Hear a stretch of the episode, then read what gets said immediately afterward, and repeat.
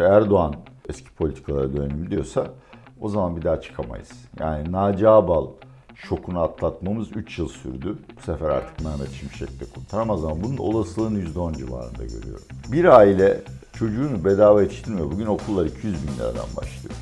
Açıkçası siz 4 milyon 5 milyon liraya mal olmuş bir yatırım aletini, bir makineyi, bir robotu, neyse yapay zekayı Amerika'ya gönderiyorsunuz onlar bedava kullansın diye. Bir de orada para ödüyorsunuz. Bu nasıl bir akıldır ya?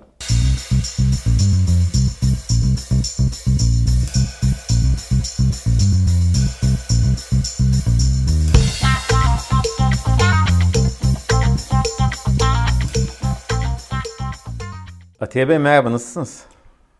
Valla bilmiyorum 15 dakikadır buradasınız. Son Gaye Erkan haberini takip edemedim. Kovuldu mu, terfi mi ettirildi? Cumhurbaşkanı mı görüşüyor? Görüşmüyor Cumhurbaşkanı mı görüşüyor? İzmir kampı kime tahsis edildi? Benim annem ve babam da rahmetli e, Türkiye Cumhuriyeti Merkez Bankası emeklisi. O Ha, yüzden evet, doğru. haberin içindeyim yani. O, Evet. Hiç kimse kaçış şey yapmasın. Kulis bilginiz var mı? Gayipten haber geliyor bazı. Benim tanıdıklarımdan hiçbiri sağ değil. Allah rahmet eylesin. E, diyelim ve tabii ki bu hafta ne konuşacağız? İlkinin e, spoilerını verdiniz. Gaye Erkan tartışması tüm hızlıya devam ediyor. Tabii bu hafta PPK haftası olması sebebiyle onunla da birleşti. Ve muhtemelen bu haftayı da böyle geçireceğiz. E, çok konuşuldu ama son gelişmeler ışığında ve sizin attığınız tweetler ışığında bunu konuşacağız.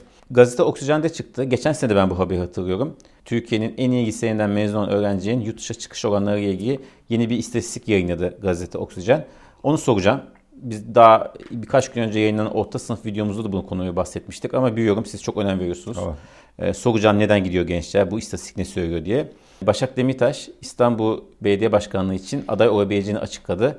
Ondan sonra İstanbul'daki denklem biraz daha karıştı. Başak Hanım aday olursa İstanbul'daki seçim nasıl değişir diye soracağım. E, ve tabii ki birçok izleyici sorumuz var. Onları da size soracağım. Ben de bir düzeltme yapmak Tabii ki. istiyorum çünkü bir izleyicimizden geldi. Geçen sefer BES fonları ile ilgili konuşurken kamu katkısının %25 Evet. olduğunu söylemiştim. O %30'a çıkmış.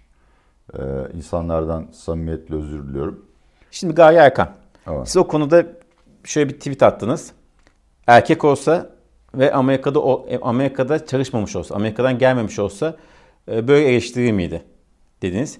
Cinsiyetçi yaklaşım mı görüyorsunuz? Aynı zamanda da işte e, farklı grupların bir savaşı olarak mı görüyorsunuz? Neden neden bu tweet'i attınız?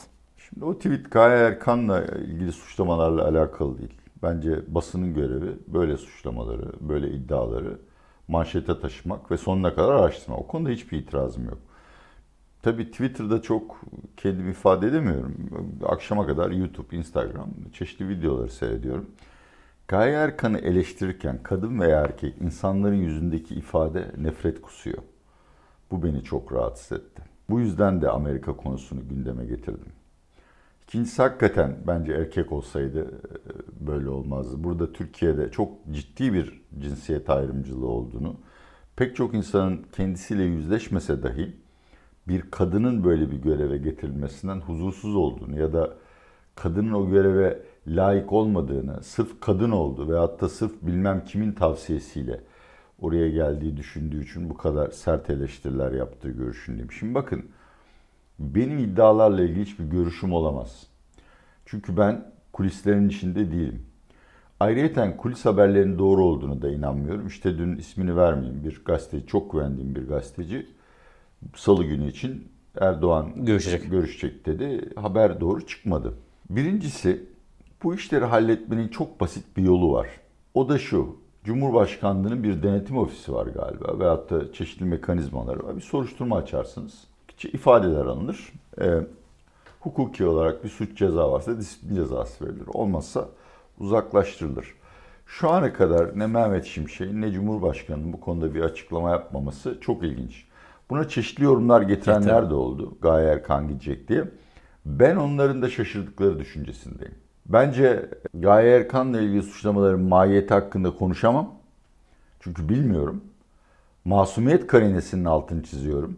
Ama bu Mehmet Şimşek'in yine bazı iddialara cevap veriyorum. Onun yerine başkasını atamak veyahut da Erdoğan'ın eski Naz politikalarına dönmenin yolunu hazırlamak için başlattığı bir olay değil. Burada içeriden bir şeyler var. Bu bir komplo olabilir. Gaye Erkan'ın babasının iddia ettiği gibi. ya da gerçekten çok ciddi bir rahatsızlık var. Bütün bunlar gerçektir. Ama bir şekilde saraya yakın kişiler sarayın içindeki faksiyonlar, kliklerden biri bu haberlerin arkasında durmuştur. Çünkü yani hani Ahmet Davutoğlu var zaten. e, PK. yani aslında ilk soru Erdoğan'ın niye NAS ve diğer heterodoks politikalardan vazgeçip bu kişileri göreve getirdiği. Bu konuyu araştırırken benim karşıma çıkan bilgiler saray içinde hala danışma önemli bir danışmanlar grubunun eski politikaların sonuna kadar takip edilmesi gerektiğini savundu. Bu konuda çok detaylı planlar hazırladığını ve bu insanların hiç memnun olmadığını biliyorum. Yine aynı şekilde Merkez Bankası'nda tabii ki siyasi kadrolaşma e, başka bürokratların görevli şeyleriyle oynanmamalı ama bu e, eski finansal baskılama rejiminin mimarların da hala görevde olduğunu biliyorum. Bir kısmı gitti ama. Bir kısmı gitti ama bir kısmı kaldı anladığım kadar. Benim hani bankacılarla şunlara bunlar konusu. Şimdi o zaman akla şu, şu olaylar geliyor. Bir, nepotizm dediğimiz bir akraba akraba kayırmacılığı olayı Türkiye standartlarının ötesine taşmıştır ve hakikaten memur ve memureler aşırı şikayetlerini başka türlü ifade edemiyorlar. O zaman tabii ne gerekirse yapılacak. İki, vardır bazı şikayetler. Olmaz Evet. olur mu eminim. Sıfırdan çıkmaz. Zor. Sıfırdan çıkmaz ama bunların maksatlı bir şekilde büyütülmesi ve özellikle muhalif basına aktarılması aslında Gaye Erkan'ın kişiliğinden değil, Erkan nezdinde izlenen ortodoks para politikasına karşı bir isyanın başlangıcını temsil etmektedir. Bunların hepsini birkaç gün içinde görürüz. Benim Erdoğan görevden alacak mı almayacak mı hiçbir fikrim yok. Bence almaz. Alırsa çok büyük bir şey olur. Güven şoku olur. E, alırsa da muhtemelen yerine Benzer. yeni atanan 3. Yani mesela e, Sayın Cevdet Akçay'ın adı geçiyor. Kendisi hiçbir şekilde bu olayın içinde Evet. değil. Onu da tavsiye ediyorum. Ama bence Hatice Karan, o da e, Cevdet Bey kadar kariyerli. Aynı zamanda türbanlı, bir- ben bunu çok önemli buluyorum. Türbanlı bir kadın oraya gelip Merkez Bankası Başkanı olmasın. Türkiye'de bütün bu şekilde İslami giyim tarzını Yani benimseyen Hafize Gaye Erkan da ilk kadındı zaten. ilk kadın evet. Şunu da söyleyeyim. Eğer bu yanda yanılıyorsam ve Erdoğan eski politikalara dönelim diyorsa o zaman bir daha çıkamayız. Yani Naci Ağbal şokunu atlatmamız 3 yıl sürdü. Bu sefer artık Mehmet Şimşek de kurtaramaz ama bunun olasılığını %10 civarında görüyorum. Peki Hafize Gaye Erkan'la ilgili yüksek sesle bir sahip çıkma, destek olma iktidar tarafından gelmezse yani bu iş böyle biraz hani bir bakalım ya seçime kadar bekleyelim seçimden sonra bir bakarız da dönerse de ciddi bir güven riski oluşturmaz mı? Yok 10 günde unutur basın. Neleri unuttuğumuzu hatırlatayım mı? Yok boş ver. Can At- Canım- yok yok. hayır. Canım, canım sıkılmaz. Can Atalay'ı. Tabii. Osman Evet, Kavala'yı. Osman Kavala'yı. Ee, Anayasa Mahkemesi ile Yargıtay arasında artık kavga. Yakın zamanda. Sinan Ateş cinayetine. Ee, değil mi? Kemal Kılıçdaroğlu'na ilginç girişimi. Kemal Kılıçdaroğlu. Ekrem İmamoğlu'na... Kemal Kılıçdaroğlu'nun Zafer Partisi Başkanı ile yaptığı gizli. Değil mi? Bütün bunlar hepsini unuttu. Dolayısıyla bu konuda çiğnenir gider. Fazla bir şey çıkmaz. Anladığım kadarıyla Gaye Hanım şahsi hesabından bir açıklama yaptı. Evet. Merkez Bankası Yok iletişim tabii tabii. iletişiminde bir açıklama yapması gerekir. Destek Ama- çok düşük yani. yani yalnız kaldığını söyleyebiliriz Evet. iktidar tarafından.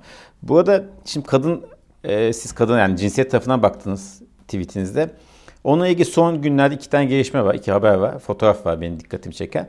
Mesela bir tanesi işte ekonomi koordinasyon kurulu toplandı. Hatta işte Gaye Erkan da Amerika'dan geldi dün. Katıldı pazartesi günü sanırım. O fotoğrafı gördünüz mü? Gördüm. Sadece Gaye Erkan var. Evet. Kenarda oturmuş kadın. Başka hiçbir kadın yok. Bir de 28 tane şehre İl Eğitim Müdürü atandı. Sıfır kadın. Aynen. Bir tane kaymakamımız var bildiğim kadarıyla. Kadın kaymakam. Bir veya iki olabilir. Hiç valimiz yok. Kabinede bir iki tane bakanımız var. Ve bunu çok yanlış olduğunu düşünüyorum. Kadının önündeki engeller kaldırılmalıdır. Bence Atatürk'ün en önemli devrimlerinden biri budur. Bir de bu siyasi bir olay da değil. Bu bir ekonomik şey. Kadının iş gücüne katılım ve çalışma oranlarının bir ülkenin kalkınmasıyla çok doğrudan bağlantılı olduğunu görüyoruz. Çin ile Hindistan arasındaki farka bakın. Çin'de bu Hindistan'da bu oran %30 veya altındadır. Çin'de %50'nin üzerindedir. Biz Müslüman ülkeler arasında İyiyiz. çok iyiyiz. Avrupa'ya çok kötü. Evet. Ama diğer batılı ülkeler çok kötü. Ve ben o anlamda da yani niye hani Gaye Erkan destekliyorsun? Ben kimi desteklemedim ki abi? Ben Şahap Kavcıoğlu'nu da destekledim. Berat Berat Albayrak. Çünkü masumiyet karinesine inanıyorum. Bırakın insanlar işleriyle kendilerini ispatlasınlar ve hatta o işlerin altında kalsınlar. Bu konuda da dediğim gibi yani şu kulis bu kulis beni hiç ilgilendirmiyor. Kadın o Kübra hanımefendi galiba. Tebrik ederim. Cimer'e mektup Evet. yazmış. Yazsınlar abi. Bu ülkede suç değil ki. Bunun dışındakileri dedikodu kabul ediyorum. Ama dediğin nokta çok önemli. Türkiye'de hakikaten bir kadın olmak çok güç. İkincisi hem kadın hem çalışan olmak çok güç. Şimdi siz hangi İslam mezundunuz Atilla Bey? Avusturya Lisesi. 75 mezun vermiş. 74 yurt dışına çıkmış. Sizin siz de yurt dışına gittiniz gerçi.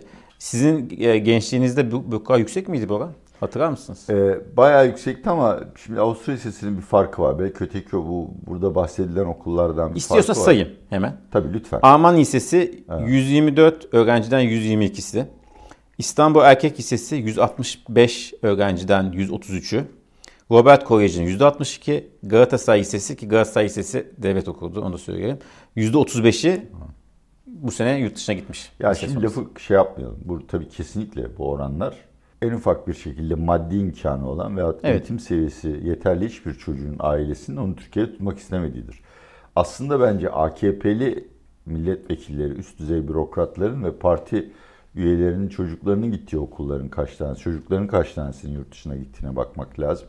Orada da bu oranların farklı olduğu düşüncesinde değilim. Avusturya Lisesi konusunda şunu söyleyecektim. Belki Alman Lisesi'nde vardır. O zaman bize Avusturya vatandaşı muamelesi yapılıyordu ama ben... ben orada 7 sene papaz zulmü seçmişim. Amerika'ya kaçtım. Hayatımda Avusturya'ya ayak basmadım yani 20 yıl kadar falan. Neyse o başka bir konu. Ya bu çok acıklı bir şey.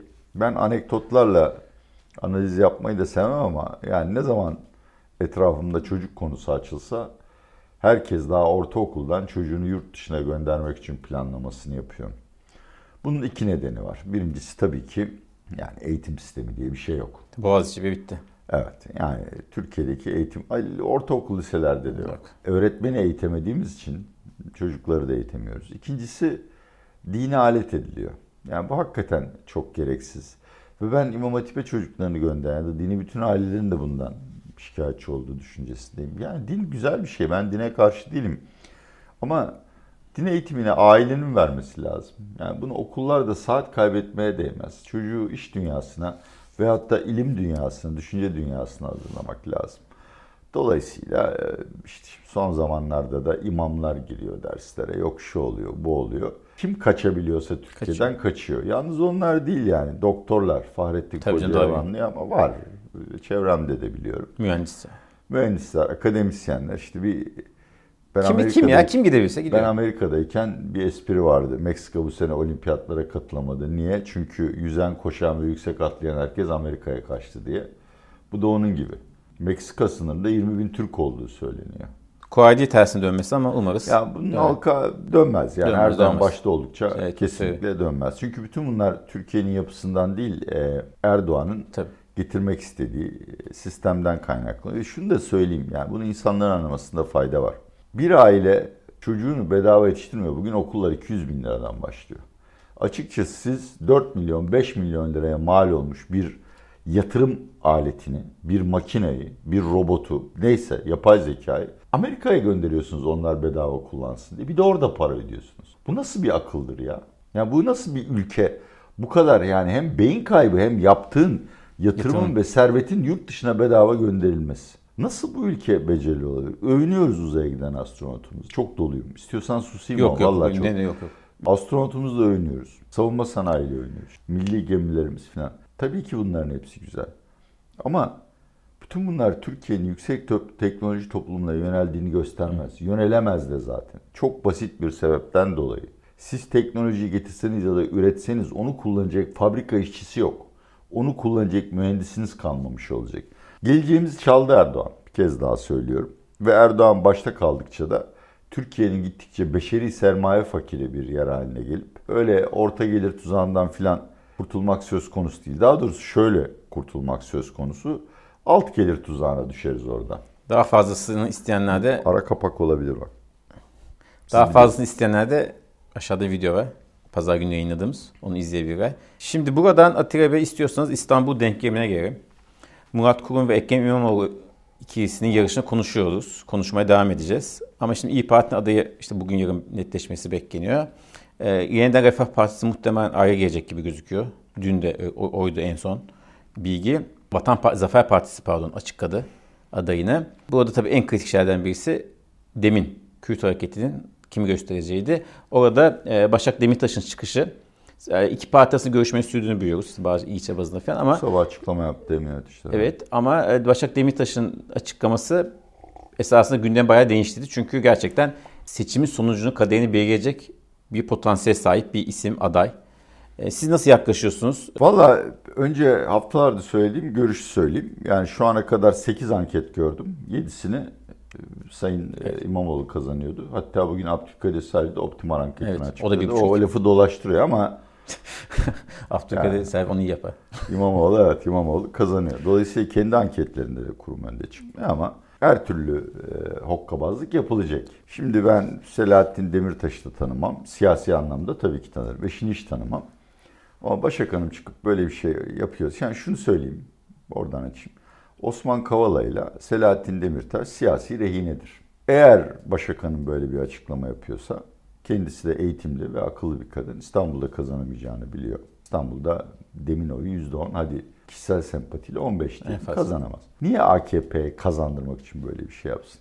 Belki eşini serbest bırak. Eğer böyle bir şey yaptıysa ve ciddiyse eşinin serbest bırakılacağına dair bir takım garantiler almış olabilir. Ama ben Selahattin Demirtaş'ın da böyle bir e, ucuz bir pazarlığın içinde olabileceğine inanmakta çok büyük güçlük çekiyorum. Çünkü Kürt hareketi hakkında ne söylersek söyleyelim. Leyla Zana'dan başlayıp Ahmet Türk'e kadar bunların hepsi zaten hayatını hapiste geçirmiş insanlar. Dolayısıyla ben açıkçası çok şey yapmıyorum. Şu konuda da deme katılıyorum. Demin pozisyonu bence çok açık. Bizimle açık ve meşru bir şekilde pazarlık yapan herkesle masaya otururuz. Bu AKP de olabilir, CHP de olabilir. Kesinlikle katılıyorum.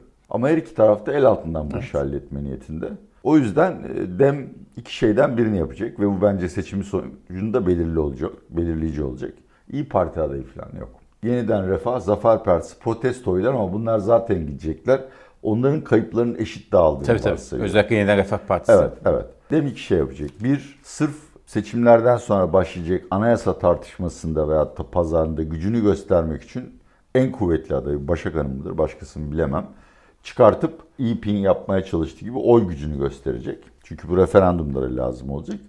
İkincisi daha mütevazi bir adayla veyahut da el altından informal networklar yoluyla seçmene ya biz aday gösterdik ama aslında kimi desteklediğimizi evet. biliyorsunuz şeklinde. Bence meşru bir seçimin sonucunu bu belirler. Ama dur daha dur. Daha ben dur. Bekle. Daha buraya gelince kadar ben sana şimdiden olacakları anlatayım. bir dikkat edersen yine şu anda taş devrine bombaladığımız zavallı Suriye Kürtleri üzerine bir askeri harekat daha konuşuyoruz. Askeri hareket yapılacak yer kalmadı artık. Yani hepsi aç bir ilaç bıraktık. İki, e, büyükşehir zammı memurlara, emeklilere yerel seçimden önce zam. Daha çok çıkartır, daha çok o, o heybeden, daha çok tavşan, keçi. Yani büyük baş sağır mı emin değilim ama Sayın Erdoğan'ın ne çıkacaksa çıkar yani heybesinden bayağı çıkar yani. CHP'de ne çıkacağını söyleyeyim. Turbun büyüğü çıkar. CHP'de ayrıca konuşuyoruz. Ne gülüyorsun? Havuç da diyebilirdim. Ya da patlıcan. Turp dedim yani. Yuvarlak bir şey. Konuşacağız CHP'yi. Kemal Kılıçdaroğlu'ya Özgür Özel vuruşmuş Ahlat'ta verdi. Gördünüz mü? Bir ara Meral Akşener'e şey vuruşuyordu. Kılıçdaroğlu vuruşuyordu. O, orası sonu iyi bitmedi. Bu hikayenin sonu çok iyi bitmemiş gibi. Evet, evet. e, destek istemiş istediği ama yani sağda çalışın dediği ama Kemal Kılıçdaroğlu'nun buna çok yanaşmadığı söyleniyor. Bakacağız. Ya bence artık yani keşke Kılıçdaroğlu hani o tabii gerçekten emekli olsun. Yani emekli olsun. Gerçek bence anlamda. hepsi yani evet. şu andaki siyasilerin hemen hepsi emekli olsun. Gençler bıraksın. Şimdi izleyici soruna geçeceğiz. Ama Ahmet Büyükduman sizinle ilgili kendi programında bir şeyler söyledi. Size cevap hakkı doğdu. İstiyorsanız önce bir şunu izletmek istiyorum. Tabii ki. Şöyle vereyim. Bu... Yani bir ülke ve kent ne kadar zenginse oradaki gayrimenkul fiyatları da o kadar yüksektir. Biraz önce gösterdiğim gibi İngiltere ve Fransa Türkiye'den dolar bazında 5 kat daha zenginler, daha çok gelire sahipler ve biraz önce söylediğim gibi ortanca konutların fiyatları da İstanbul'la karşılaştırdığımız zaman 5 kat daha fazla. Yani Atilla abiye haddimiz olmayarak şunu bildirelim. Atilla abi bu tür hesaplar ortalamalar üzerinden yapılıyor. Münferit sağda solda sizin gibi mandacı, zengin, kalantor iktisatçıların evinin kenarındaki evlere bakarak yapılmıyor efendim. O yüzden ortalama sayılara bakmak lazım. Haddimiz olmayarak saygılarımla ellerinizden öpüyorum. Şimdi siz, hem size eleştirdi hem de ithamada bulundu. Cevap hakkınız var. Özgür basın. Sonuçta bunu bekliyor. Tamlarda bulunmadı ki. Mandacı İltifat- dedi. İltifat etti. Ha öyle mi? Ha pardon. Bir daha Tabii. sö- bir daha söylesene mesela. Mandacı Kalantor, mandacı, Mandacı. başka ne var? bir de Süper zengin falan dedi mi? onu demedi bak. O da hakaret etmiş demek. Bak onu Bakarak yapıl Sıralamalar üzerinden yapılıyor. Müferit sağda solda sizin gibi mandacı, Mandacı. zengin, Zengin. kalantor, Kalantor. iktisatçıların ev iktisatçı. çok teşekkür ediyorum Ahmet abiye buradan. evet. e, hepsine katılıyorum bunların. Söylediği doğrudur ama şimdi Ahmet Büyükduman tabii benim videolarımı seyretmek zorunda değil. Ben her seferinde şu noktanın altını çizdiğimi söylüyorum zaten. Benim İstanbul'da veyahut da Ankara'nın şurasında burasında 1 milyon 2 milyon liraya satılan ve insanların yaşamak için aldığı konutlarla hiçbir zaman bir söylemim olmadı. Hatta insanlara fiyatı ne olursa olsun gidin alın dedim. Ben zaten lüks konut üzerine ve yatırım piyasası üzerine konuşuyorum. Orada da kendisine katılamıyorum. Bir ülkede tabii ki hemen hemen her malda kişi başı gelir. Daha doğrusu satın alma gücü paritesi bazında kişi başı gelir. Fiyatlar da belirleyici olur. Türkiye o anlamda ucuzdur. Konutta bu konuda çok istisna vardır. Mesela Londra'nın dışına çıktığınızda veyahut da Almanya'da büyük kentlerin dışına, Amerika'da birkaç kentin dışına çıktığınızda konut fiyatlarını nasıl uyarlarsanız uyarlayın Türkiye'den çok daha düşük olduğunu görürsünüz. Türkiye'nin genelinde bugün tabii ki ben bunu ortalamalardan konuşamıyorum. Anekdotlardan konuşmak zorundayım.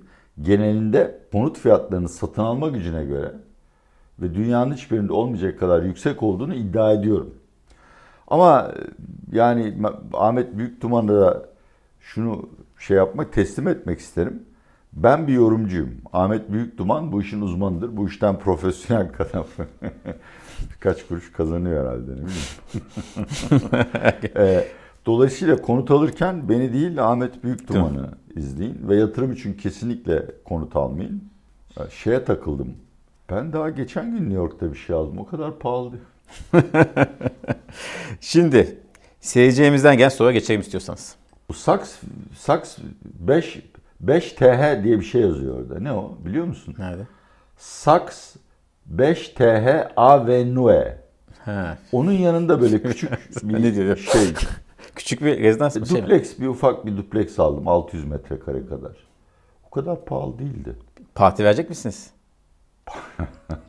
Biz de çağırın. Ama uçak biletimiz. Bir uçak biletinizi Ortasına- ama maskeleri siz getireceksiniz. Gitti kız. Maske tamam maske bizde. Biliyorsunuz biz yeni nesil orta sınıfız biz fakiriz. Sizin gibi değil. Geç kalmışsınız. Orta sınıf olmakta. Benim gibi liseden kaç çektiniz Amerika'yı ne diyeyim yani. Hani Ahmet abi de bilmiyorum yurt dışında mı okudu ama yani Yok ODTÜ. öyle mi? ODTÜ'de okudu benim. İşte aramızdaki gelir farkı oradan da kaynaklanıyor olabilir. Evet. Şimdi seyirci sorumuzdan başlayalım. 200 TL banknotta %70'i geçmiş kullanımda. Hatta 100 ve 200 %90'a geçmiş. Bu 200 TL'den daha büyük banknot çıkartmamanın ısrarı ne sizce? Ekonomik bir gerekçesi var mı yoksa tamamen siyasi propaganda? Ekonomik gerekçesi yok. Tabii yani hemen e, dillere şey olacak, e, manşet olacak. Gerçekten de ihtiyacınız var. Yani e, bu kredi kartı harcamaları artıyor ya bunun yarısı bence artık banknot taşıyamadığımızdan geliyor. Kardeşim yani bir paket sigaranın 60 lira olduğu bir ülkede siz yanınızda kaç tomarla gezeceksiniz? Eskiden yine 90'ları hatırlıyorum. 100 milyon 200 milyon maaşlar vardı. Yine kodaman mandacı diye başlamasınlar. Dolar değeri 1000-2000 dolar filandı. Ve şöyle banknot komarı taşırdınız yanınızda. O günlere dönmeyelim. Bence şu andaki enflasyonla yani baksınlar 2010-2013'ten itibaren 200 liranın kaç dolar değeri? O zaman 20 20 dolar filandı.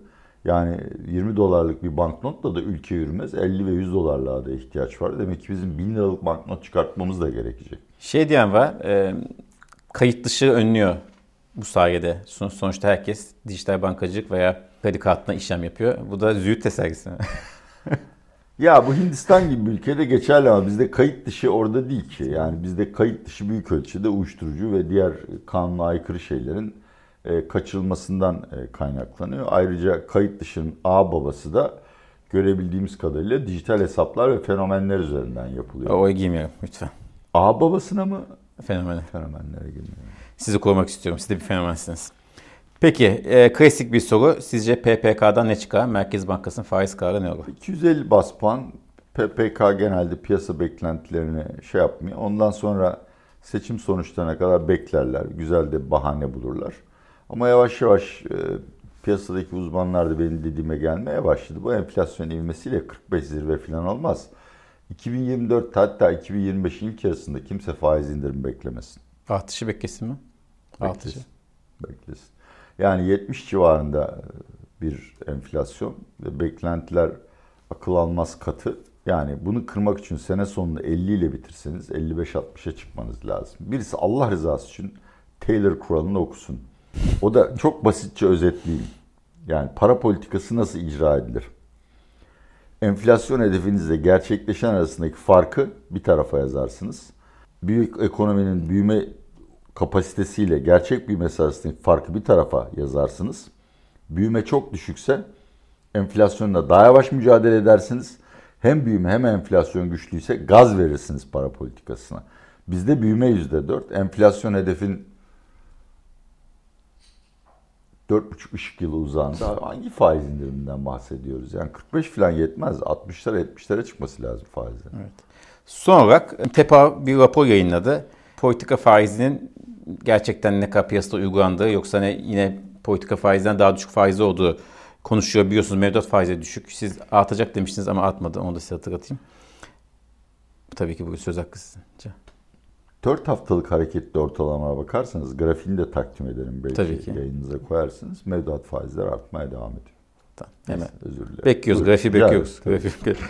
TEPA e, raporunda diyor ki politika faizi, repo faizi mi, swap faizi mi, depo faizi mi yoksa faiz koyduğun alt sınırı mı?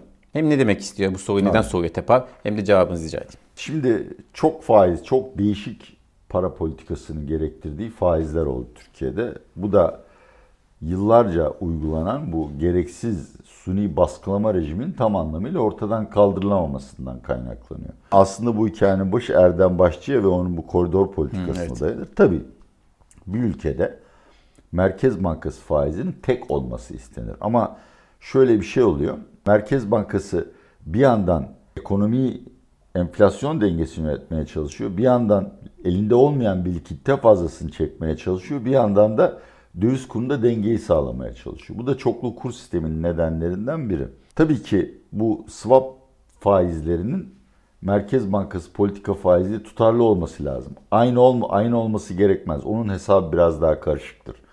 Ama açıkçası bir hazine yöneticisi açısından ben soda ithal ediyorum ya da ihraç ediyorum. Ve ben paranın maliyetini öğrenmek istedim. Swap piyasasına gitsem, bankalar arası para piyasasına da gitsem repo piyasasına gitsem alacağım faiz aynı olmalı. Veyahut da arada risk varsa onu yansıtmalı. Türkiye'de bu olmuyor. TEPAV o konuda fevkalade haklı. Ama bu oranların mesela 3 ay öncesine nazaran çok birbirine yaklaştığını, akordeon gibi iyice birbirine yaklaşmakta olduğunu da görmek lazım. Doğrudur. Bütün bunların ortadan yavaş yavaş kaldırılması lazım. Ama şu anda bunu yapmanın pratik olduğunu düşünmüyorum. Bence yine Türkiye ancak yerel seçimlerden sonra Mehmet Şimşek kalıcı mı sorusuna fiiliyatıyla cevap verebilir. Ve ancak ondan sonra da eski rejimden geriye kalan ve sistemin etkinliğini azaltan ve kafaları karıştıran bu yükleri ortadan kaldırabiliriz. Göreceğiz bakalım olacak mı olmayacak mı? O günler gelecek mi? Çok bir şey kalmadı. 2-3 ay sonra olacak. netleşecek. Çok teşekkür ediyoruz Atilla Bey. Çok sağ olun. Bu haftayı bitirdik. Yine size keyifli bir sohbetti. Haftaya kadar kendinize çok iyi bakın.